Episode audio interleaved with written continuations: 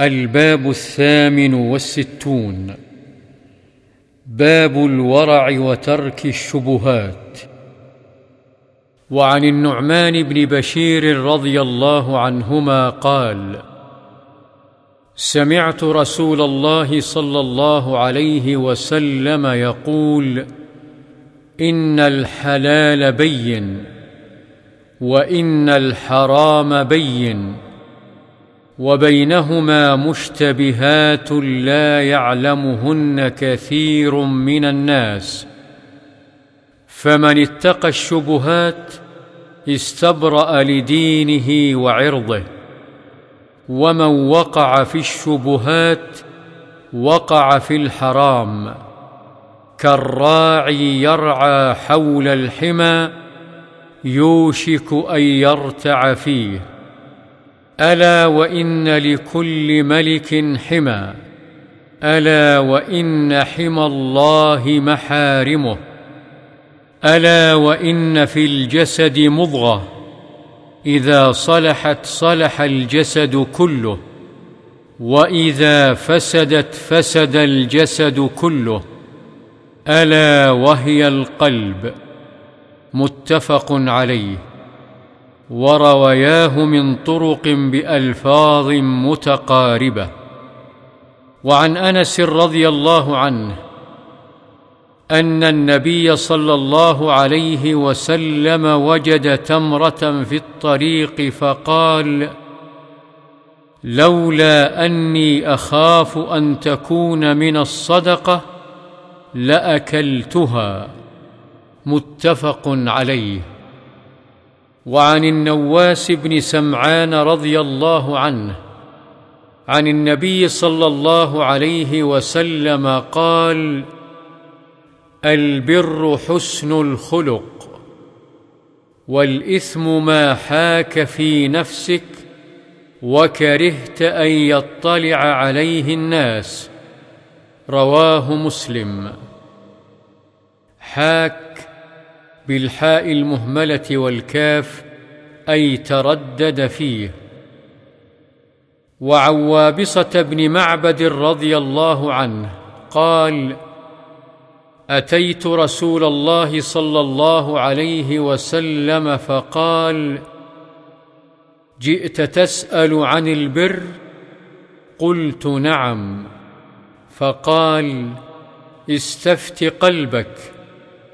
البر ما اطمانت إليه النفس واطمان إليه القلب والإثم ما حاك في النفس وتردد في الصدر وإن أفتاك الناس وأفتوك. حديث حسن رواه أحمد والدارمي في مسنديهما.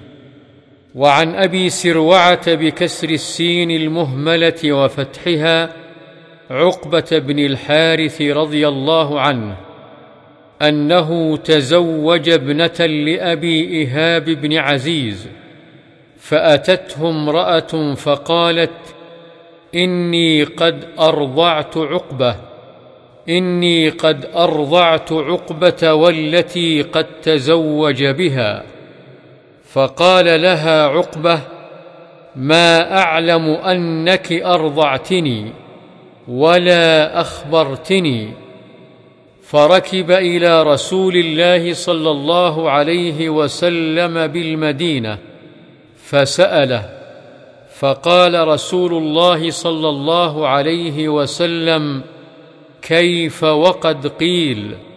ففارقها عقبة ونكحت زوجا غيره. رواه البخاري. إيهاب بكسر الهمزة وعزيز بفتح العين وبزاي مكررة. وعن الحسن بن علي رضي الله عنه قال حفظت من رسول الله صلى الله عليه وسلم دع ما يريبك إلى ما لا يريبك. رواه الترمذي وقال حديث حسن صحيح. ومعناه اترك ما تشك فيه وخذ ما لا تشك فيه. وعن عائشة رضي الله عنها قالت كان لأبي بكر الصديق رضي الله عنه غلام يخرج له الخراج.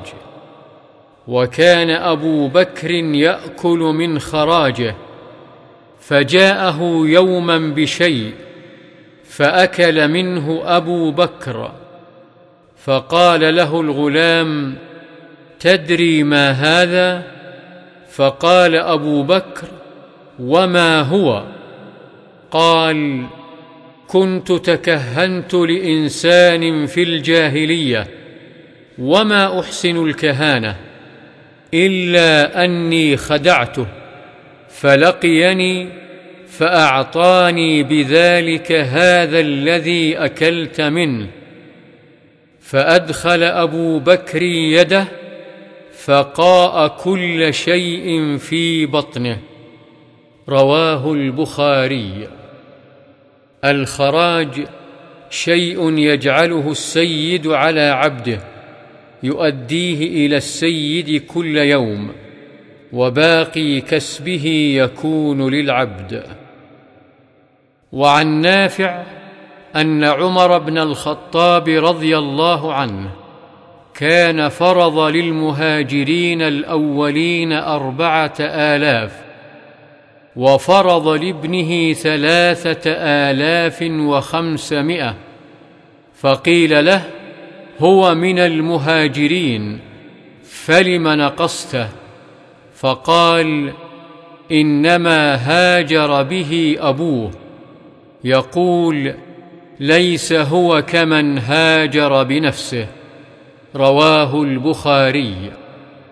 وعن عطية بن عروة السعدي الصحابي رضي الله عنه قال قال رسول الله صلى الله عليه وسلم لا يبلغ العبد أن يكون من المتقين حتى يدع ما لا بأس به حذرا مما به بأس. رواه الترمذي وقال حديث حسن. قال الألباني رحمه الله وإسناده ضعيف.